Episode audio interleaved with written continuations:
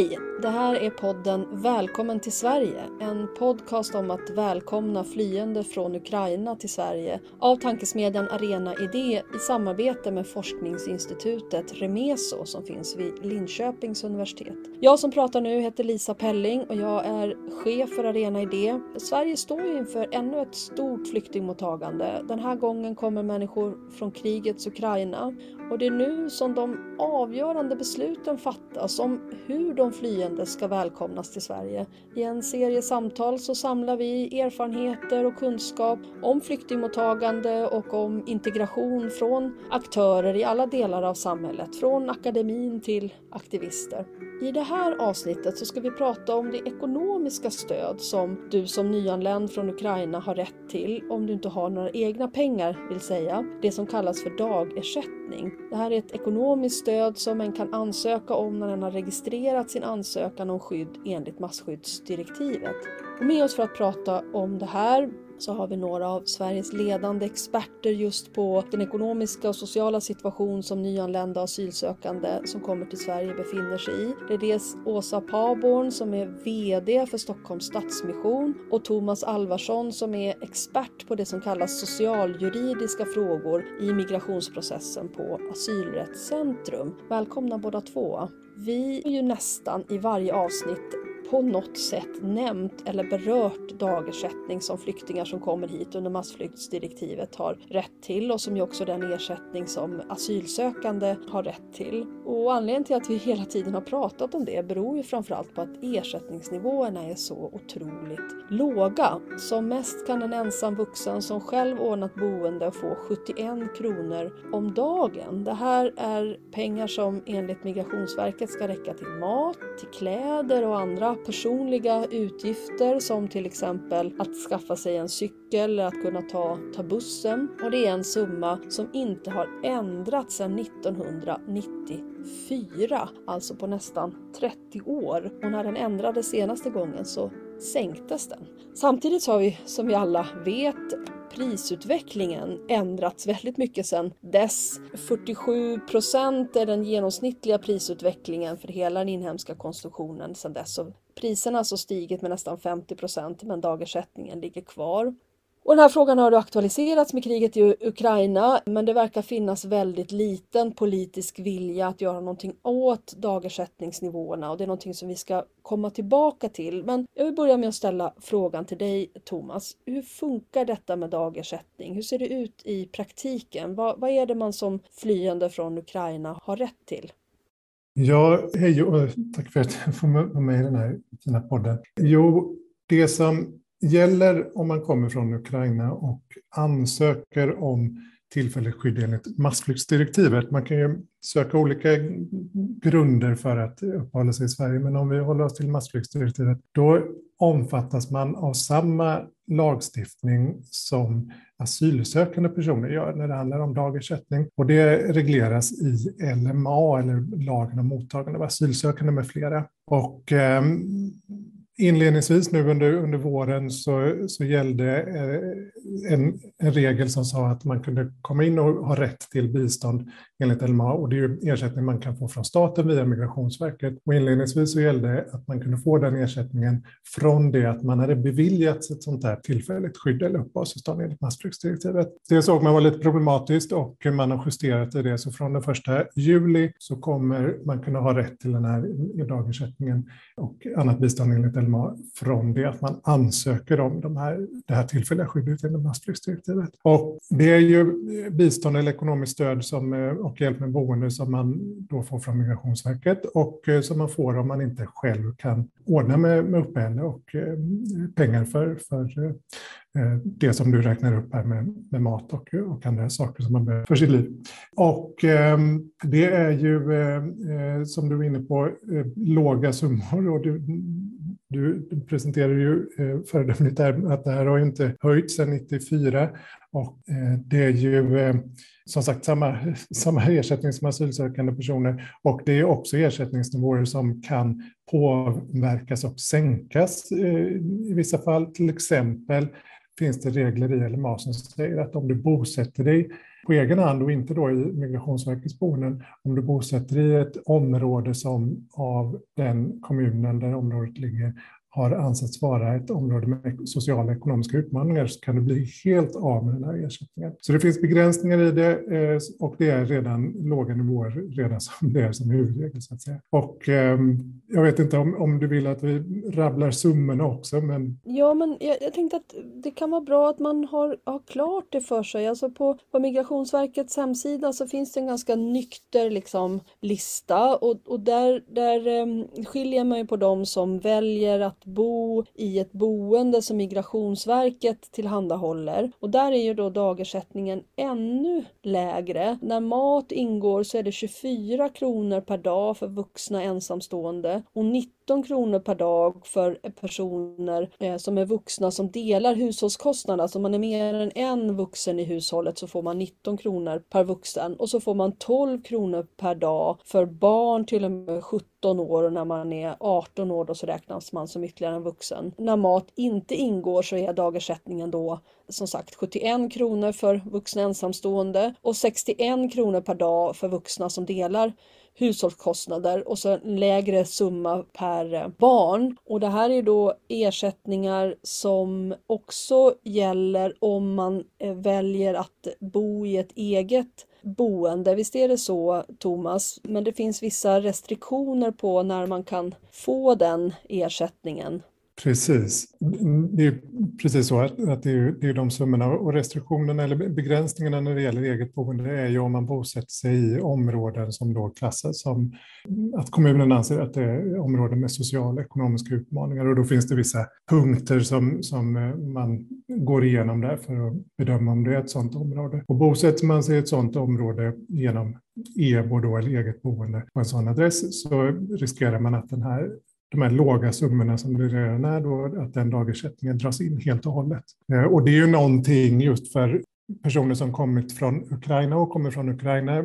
Det vi har stött på, eller vi har märkt i vår verksamhet på Asylrättscentrum, är att väldigt många just från Ukraina har eh, ordnat med eget boende. Antingen att man har släkt och vänner i Sverige eller att man har lyckats eh, få boende hemma hos, hos någon som öppnat sitt hem. Och där har vi ju märkt och eh, hört att man kanske inte då haft koll på den här eh, regeln att eh, man kan bli av med dagersättningen om man då bosätter sig i fel område, om man uttrycker det så. Det, det är ju det är väldigt viktigt att känna till det, särskilt om man ordnar med eget boende.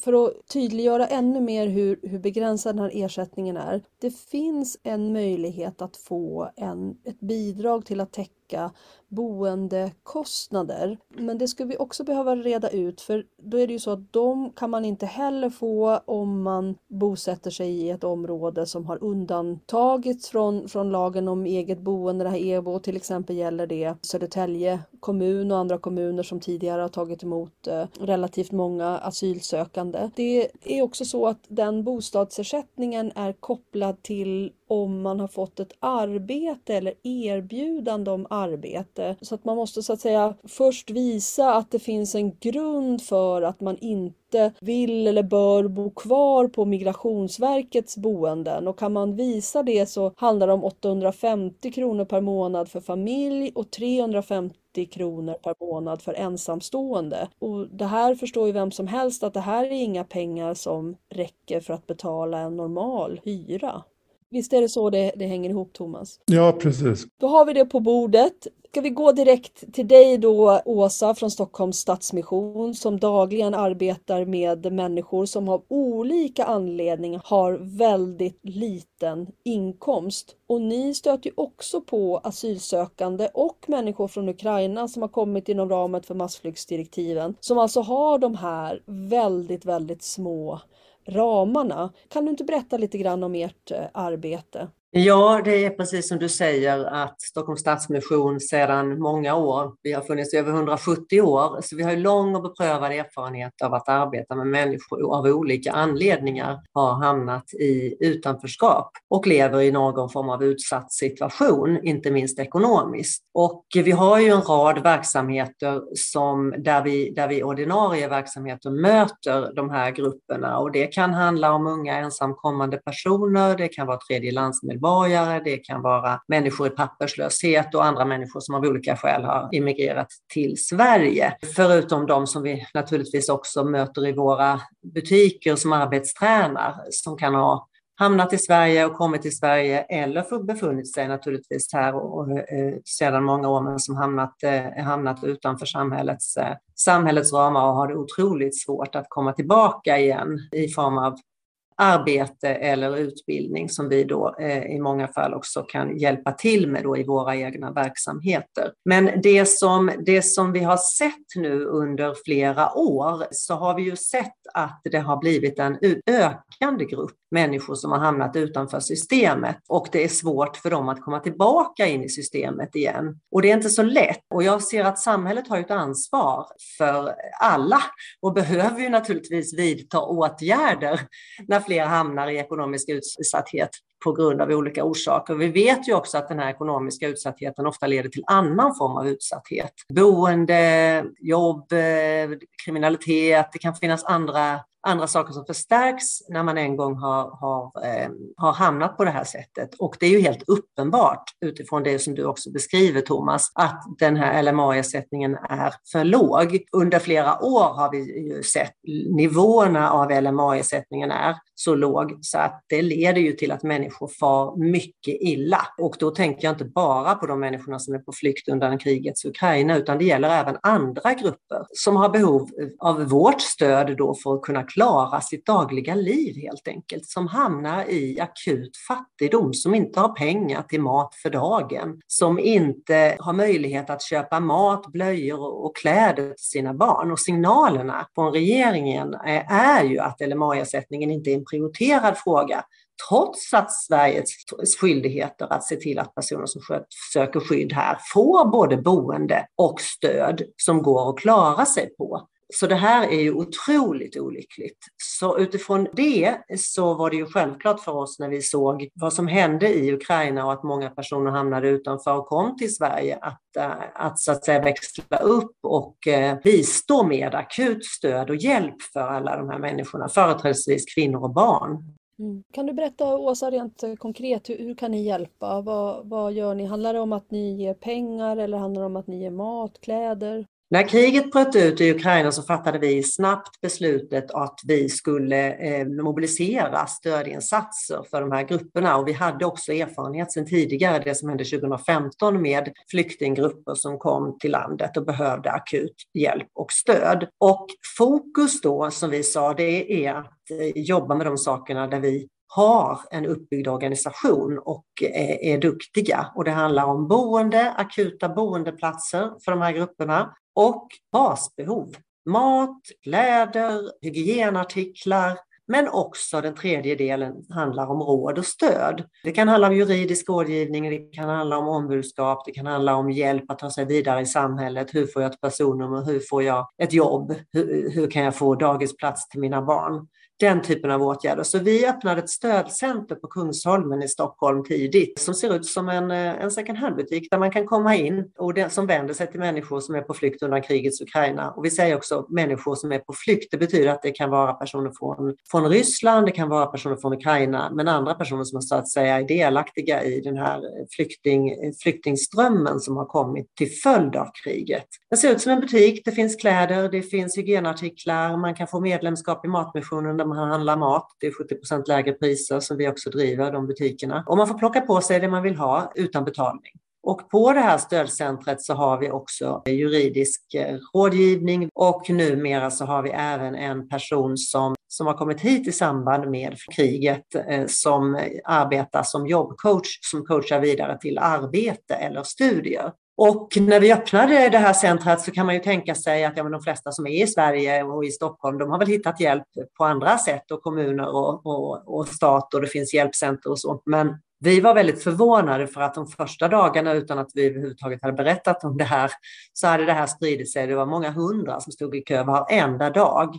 I stort sett, jag tror vi tar hand om personer, ja, över 100, mellan 100 och 150 personer per dag som vi har öppnat. Och nu har vi fått utöka öppettiderna så att vi öppnar tidigare på dagarna och även har öppet på helgen. Så det har varit otroligt eh, värdefullt för de här grupperna. Och eh, vi har ju också kunnat då slussa, slussa en del av de här människorna till andra verksamheter arbete. För det handlar ju om att få sysselsättning för sina barn. Vart går jag någonstans? Då har vi kunnat säga, men vi har unga stationer som finns på olika ställen där eh, dina barn kan få, mm, kan få hjälp eller kan få leka och man kan få mat och man kan träffa andra. Och så att det, det, har varit ett sätt för oss att, att kunna liksom hänvisa vidare. Man kan, vi har kunnat länka dem vidare till kommunen eller till andra instanser för att kunna få hjälp och stöd. Migrationsverket när så har varit påkallat. Men utöver det så har vi ju också då eh, öppnade vi också ett Eh, ett transitboende för att vi såg också att det fanns människor som helt enkelt inte visste var de skulle bo någonstans. Dels eh, personer som, som kanske hade bott privat hos vänner och bekanta i början och efter några veckor så kanske det inte fungerade så bra längre av de här privata familjerna som hade upplåtit sitt hem av olika skäl. Man kunde kanske inte hantera den här problematiken. En del bär ju på ganska tunga trauman. Väldigt många har husdjur med sig, många barn, osäkerhet om framtiden. Så, så då har vi kunnat öppna upp ett boende där vi nu har ungefär ett 70-tal personer, många familjer, nere på Söder i Stockholm. Eh, och vi kommer också öppna upp boende i Nynäshamn nu, där vi också har ett antal lägenheter, mindre lägenheter där människor har kunnat få bo kortare och längre sikt. Och det vi också fattade beslut om var att starta en separat, kan man säga, en variant av vår egen bostadsförmedling, hyresförmedling, för att också kunna ta hand om allt det här fantastiska engagemang som privatpersoner visade när kriget bröt ut, att vilja bidra i form av om man har ett rum över, om man har en friggebod på tomten, om man känner någon som har en lägenhet som står tom. Så vi startade en, en bo, bostadsförmedling kopplat till Ukraina för korttidsboenden upp till sex månader utan kostnad för människor som var på flykt tills egentligen man ska få en anvisning då av en anvisad långsiktig boendelösning eh, någonstans i landet. Och än så länge så är det ju väldigt många av de här personerna som bor kvar i våra bostadslösningar. Jag tror att vi har eh, på stödcentret så tror jag att vi har stöttat Eh, över nästan 5 000 personer och ett antal personer som har fått, fått då medlemskap i Matmissionen några tusental och väldigt många personer har också fått de här bostadslösningarna till de här privatbostäderna som har kunnat flytta in där med sin familj kortsiktigt. Men i början så tänkte vi ju, ja det kanske är två, tre månader. Nu visar det sig att det blir ofta längre för de här personerna för man har inte fått någon anvisad plats någonstans, en långsiktig lägenhet för att det har varit en politisk oklarhet om var ska, var ska de här grupperna placeras någonstans. Och det är klart att det är inhumant att eh, människor som har etablerat sig i Sverige, i Stockholm och eh, barnen kanske har börjat få kompisar, börjat på förskolan och så plötsligt ska man kanske riva upp det här och så får man en anvisad plats på en helt annan del av Sverige. Och tackar man då nej till den så blir man dessutom av med de här ynka kronorna som man ändå kanske har i LMA-ersättning. Så det är otroligt eh, inhumant och jag tror bara vi har sett början på den här humanitära faktiskt, katastrofen. Det här kan leda till långtgående konsekvenser för de här familjerna, även i ett längre perspektiv. Både vad gäller, vad gäller brist på pengar, jobb och bostadslösningar naturligtvis. Tack så hemskt mycket Åsa. Det finns jättemycket eh, trådar som jag skulle vilja ta tag i här utifrån eh, Stockholms Stadsmission och ert otroligt viktiga arbete. Om, om jag vänder mig till dig igen, eh, Thomas Alvarsson, som, som ju är jurist på Asylrättscentrum som jobbar just med de här socialjuridiska eh, frågorna. Kan du inte hjälpa mig att eh, reda ut lite grann vad som är logiken bakom det här systemet? Får jag testa en tanke på dig? Att dagersättningen är utformad för asylsökande. Då tänker man sig att tiden som asylsökande är väldigt kort. Migrationsverket har ständigt i sina regleringsbrev och i sina egna ambitioner att handläggningstiden ska liksom kort kortas. Man tänker sig liksom idealiskt att en handläggning av en asylsökan ska ta tre till sex månader. Så det här att vara liksom fattig fattig, att behöva leva på sina egna resurser. För där ska jag väl understryka Åsa också va? att anledningen till att, att den här ersättningen är så liten är att de som kommer från Ukraina förväntas använda sina egna resurser. Vi ondgör ju oss ibland över att eh, danska myndigheter beslagtar smycken. I praktiken gör ju vi samma sak. Man förväntas sälja sin bil i Ukraina, man förväntas använda sina sparpengar. Det är först när alla de pengarna är slut som man kan få den här ersättningen på 70 71 kronor eller 61 kronor om man är flera eh, vuxna. Men jag tänker logiken där eh, eh Thomas, Visst är det så att logiken är, det här är en väldigt begränsad tid. Det ska inte vara för generösa ersättningar. Nu gör jag liksom citattecken här i luften för er som lyssnar. För att människor ska ha någon slags incitament att ta sig till Sverige och även om man inte har någon som helst eh, möjlighet att få asyl, att liksom ta sig hit och leva goda dagar på asyl som asylsökande och få en trevlig ersättning från svenska staten. Man ska liksom inte ha några som helst sådana incitament. Tvärtom är det så att ersättningen är utformad för att man ska ha incitament att påverka sin situation. Det är om man söker och blir erbjuden ett arbete eller får ett arbete som man får lite stöd för att flytta från Migrationsverkets anläggning. Det är bara om man samarbetar med Migrationsverket i handläggningen av sin asylansökan och om man samarbetar när att klarlägga sin identitet som man överhuvudtaget får den här dagersättningen. Och då tänker man, när det här regelverket appliceras på dem från Ukraina så har ju de inte någon egen möjlighet att egentligen påverka sin situation. De har ju inte någon asylprocess eh, som pågår utan de har fått det här uppehållstillståndet som gäller då fram till den 4 mars 2023 och som sen kan eh, förlängas ett halvår i taget fram till tre år. Men de är ju inte asylsökande på samma sätt som de andra som behöver samarbeta med Migrationsverket när det gäller att klarlägga sin identitet eller samarbeta i asylprocessen. Har jag rätt i det här att, att, så att säga, de som kommer inom ram för massflyktsdirektivet har klämts in i ett system som kanske egentligen inte är utformat för för dem. Nej, precis. Så är det ju. Eh, jag delar fullständigt det. Det är ju LMA och den dagersättning som, som ges enligt LMA, det är ju från början mottagande av asylsökande. Den lagen, när den kom, var ju utformad för just asylsökande personer. Det är ju precis som du säger så är det ju tänkt från början att vara en, en kortare period och man kan nog tänka sig att det du är inne på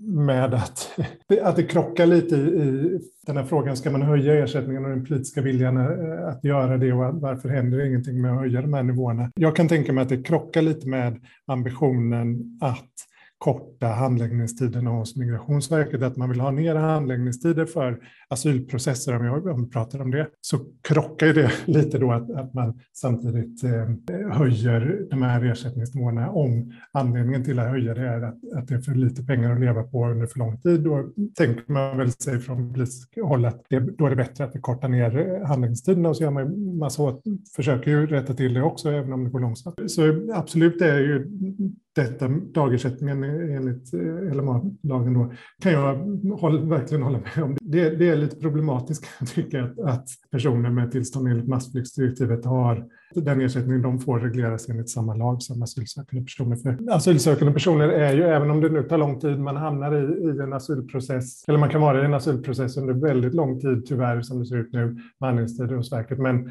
någonstans är ju tanken att det ska resultera i antingen ett beslut att man inte får stanna i Sverige och att man ska lämna Sverige, eller att man ska få ett uppehållstillstånd. Och får du uppehållstillstånd som flykting eller alternativt skyddsbehövande, som ju är då de eh, uppehållstillstånd som du får om, om du söker asyl, då får du ju så pass långa uppehållstillstånd att du kan folkbokföra dig i Sverige och folkbokför dig, du dig i Sverige så kommer du också in i, i, ordinarie välfärdssystem så att säga. Du kan söka bistånd från, från kommunen genom socialtjänstlagens regler kan få barnbidrag och så vidare. Då är det fortfarande små summor, men, men det är ju ändå högre eh, nivåer på de eh, summorna som du kan få, eller det stöd som du kan få enligt de eh, eh lagarna än vad du får enligt LMA. Så jag kan absolut hålla med om att, att det, är, det, det är lite olyckligt att, att man har valt att eh, reglera den ersättning som, som personer enligt massflyktsdirektivet kan få i, i de här reglerna som gäller för asylsökande.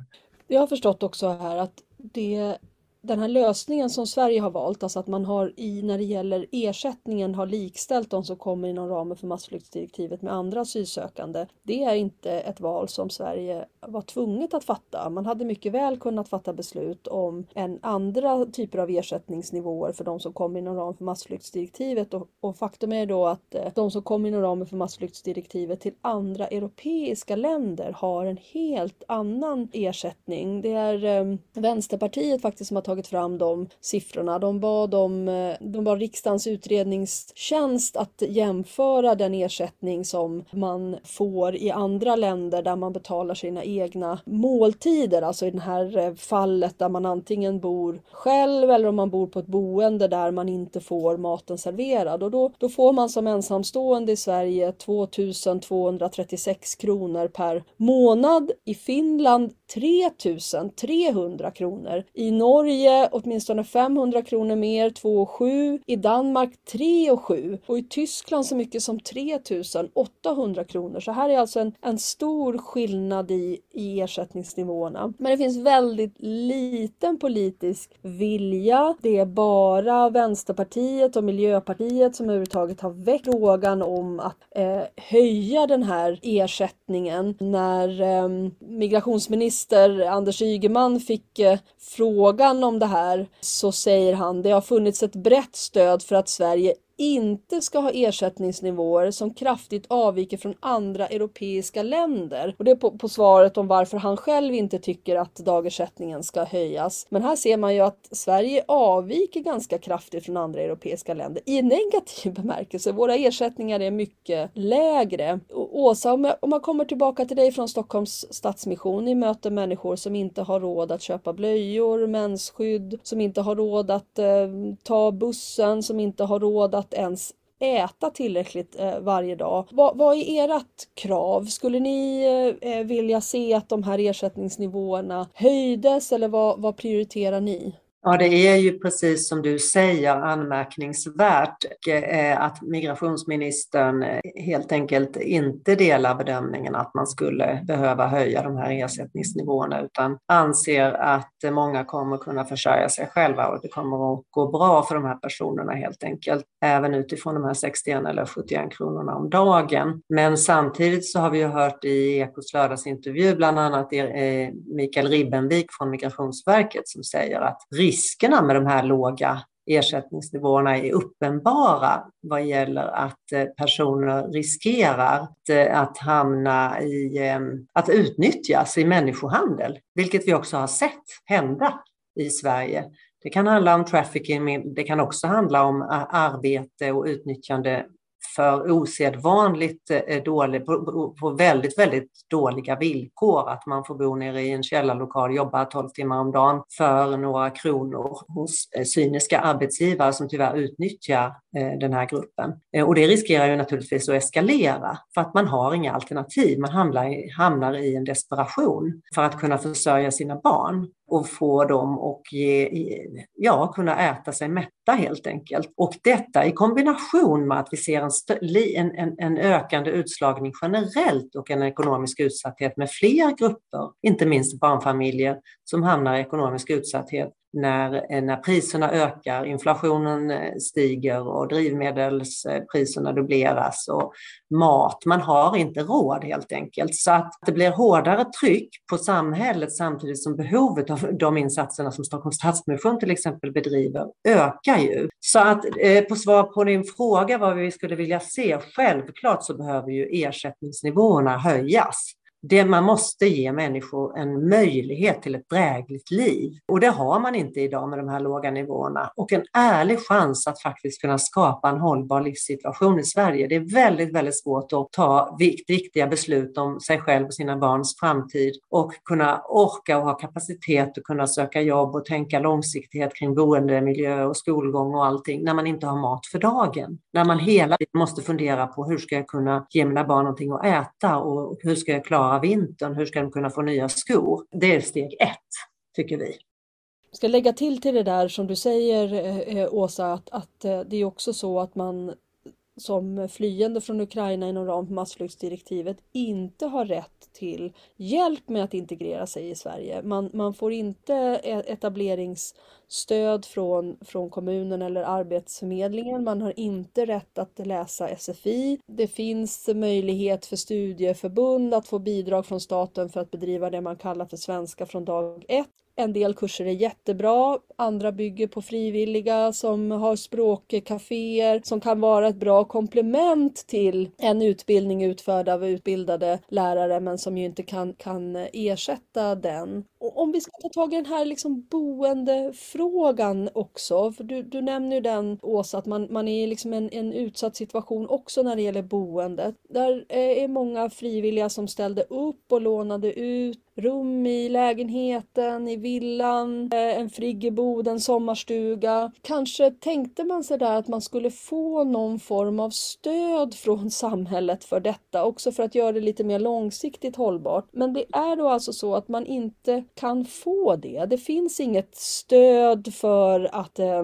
privat ställa upp med boende utan nu när Migrationsverket har tillräckligt mycket platser på sina anläggningar så är det där man ska bo. Och då spelar det ingen roll, har jag förstått det rätt då Åsa och, och Thomas du kanske kan fylla i det formella, om den anläggningen ligger i Gällivare eller om det ligger i närheten av den förskola där barnen nu har gått sedan tre, fyra månader tillbaka? Ja, det är ju de långsiktiga lösningarna som, som vi pratar om här. Och det finns ju ett antal områden i Sverige som är utpekade där man då inte får den här ersättningen, det som du nämnde Thomas, utan när det gäller sen de långsiktiga möjligheterna till långvarigt boende förtroende. Där har man ju också dröjt med de beskeden, men som det verkar som nu, de beskeden vi har fått, det är ju att alla personer kommer att få ett anvisat boende någonstans i landet. Men det kan ju betyda att man får eh, vissa kvoter i olika städer och har man då etablerat sig på en stad med kortsiktigt boende, kanske hos vänner och bekanta eller hos privatpersoner, då är det självklart så att rent mänskligt så vill man bo kvar där för att barnen har kanske etablerat sig tidigare där med vänner och förskola och så. Men det, då kan det ju leda till att för att du ska behålla din ersättning så kanske du blir förvisad då till Kiruna eller till Skövde eller någon annanstans trots att du har spenderat ett antal månader i Stockholm. Och det är det klart att det river ju upp och sliter upp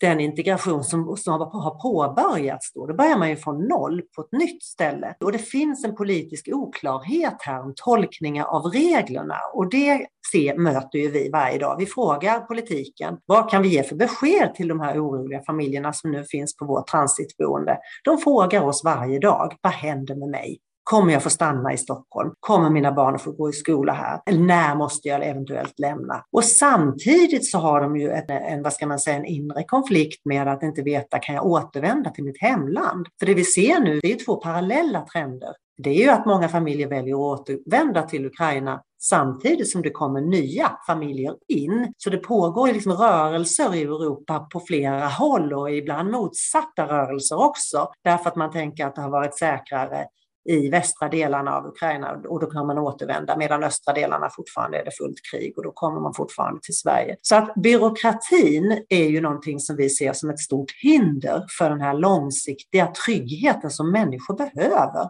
för att kunna ta sig in i ett nytt land, ett nytt samhälle och ha ork och kraft att kunna kanske söka jobb eller vidare studier. Så att man behöver undanröja så många byråkratiska hinder som möjligt och arbeta tidigt och med genomgripande förändringar och möjligheter och insatser vad gäller integration. Vad gäller boende, jobb, hälsa, utbildning och social inkludering och naturligtvis att höja då den här ersättningen till en dräglig nivå så man kan komma på fötter för en långsiktig trygghet i landet. Och sen så tror vi också att det är viktigt att arbeta med hela samhället. Idag är, lever vi i ett väldigt segregerat och ett differentierat samhälle där olika instanser och myndigheter inte riktigt kommunicerar alltid med varann. Vilket gör att den enskilde, man brukar säga att man behöver vara frisk för att vara sjuk i Sverige, men har du då dessutom en bakgrund att du kommer från brinnande krig och inte kan språket, så är det otroligt svårt. Det är så smalt det här nålsögat som man ska klara att ta sig igenom för att bara få, ni vet, bank-id, personnummer, telefon, hur funkar Sverige? Vi gör det inte lätt för nya personer att lära känna vårt land. Det är ett som är säkert. Så att hela samhället behöver samverka för att skapa en trygg miljö för de här människorna. Och det gäller ju också möjlighet faktiskt att få ett jobb och få en bostad där jag kan bo kvar och bo bra långsiktigt. Och så ser det inte ut idag. Nu har vi pratat en stund här om de som omfattas av massflyktsdirektivet och som har rätt till dagersättning och, och, från Migrationsverket. Men det finns andra flyende från Ukraina som inte har använt sig av den möjligheten. Vill du säga någonting om dem, Thomas? Ja, men precis. Eh, om man är medborgare i Ukraina, ukrainsk medborgare, så kan man med sitt medborgarskap röra sig fritt inom EU och inklusive Sverige eh, utan visum och utan att registrera sig hos myndigheter. Och befinner man sig i Sverige utan att ha gjort en sån här ansökan om, om eh, tillstånd enligt Maastrichtdirektivet och bara då på den här viseringsfriheten som pågår under 90 dagar, då är man helt utanför de här systemen vi har pratat om, om dagersättning enligt LMA och även utanför systemen om rätt till vård. Eh, så det, det, är ju eh, någonting som vi har stött på i vår verksamhet, i alla fall inledningsvis under våren, att, att många från Ukraina valde att bara vara här så att säga som turist eller på, på viseringsfriheten. Och eh, hamnar man i ett läge där man behöver hjälp med, med uppehälle eller boende eller vård så är man ju då helt utanför de här systemen. Så det viktiga är ju att man ansöker om det här tillståndet för att komma in i de här systemen. Man ska göra ett försök att eh, sammanfatta. Den ersättning som ges till de flyende från Ukraina, det är en, en ersättning som är oerhört låg. Den har inte höjts sedan 1994. Den är utformad för människors vistelse i Sverige under en mycket begränsad tid. Samtidigt så har de flyende från Ukraina förmodligen ganska lång tid framför sig i Sverige som mest tre år innan deras situation förändras överhuvudtaget. Det är ganska många säsonger som, ganska många årstider som ska passera när man ska ordna vinterskor till barn och sen sommarskor och sen höstkläder till exempel då på en ersättning som är 61 kronor om dagen för två vuxna sammanboende och ytterligare eh, som mest 50 kronor per barn för ett lite äldre barn, lägre för yngre barn. Det är också en ersättning som bygger på att man ska försöka skaffa sig ett jobb. Samtidigt så har man inte något stöd för att skaffa sig jobb. Man får ingen, eh, inte delta i Arbetsförmedlingens etableringsprogram. Man får inte heller möjligheter att gå SFI. Det här är en ersättning som ligger på väldigt låga nivåer också jämfört med de andra, våra, våra närmaste grannländer. Det känns bra att veta att ni båda representerar organisationer som finns där för att driva enskilda fall men också ta det här lite större ansvaret att bilda opinion opinion kring den här frågan. Det blir dags för oss att eh, avrunda. Tack så hemskt mycket för att du var med Thomas Alvarsson som är jurist på Asylrättscentrum, Åsa Paborn som är VD på Stockholms eh, Stadsmission. Tack så hemskt mycket för att ni tog er tid för att prata om detta viktiga med oss idag.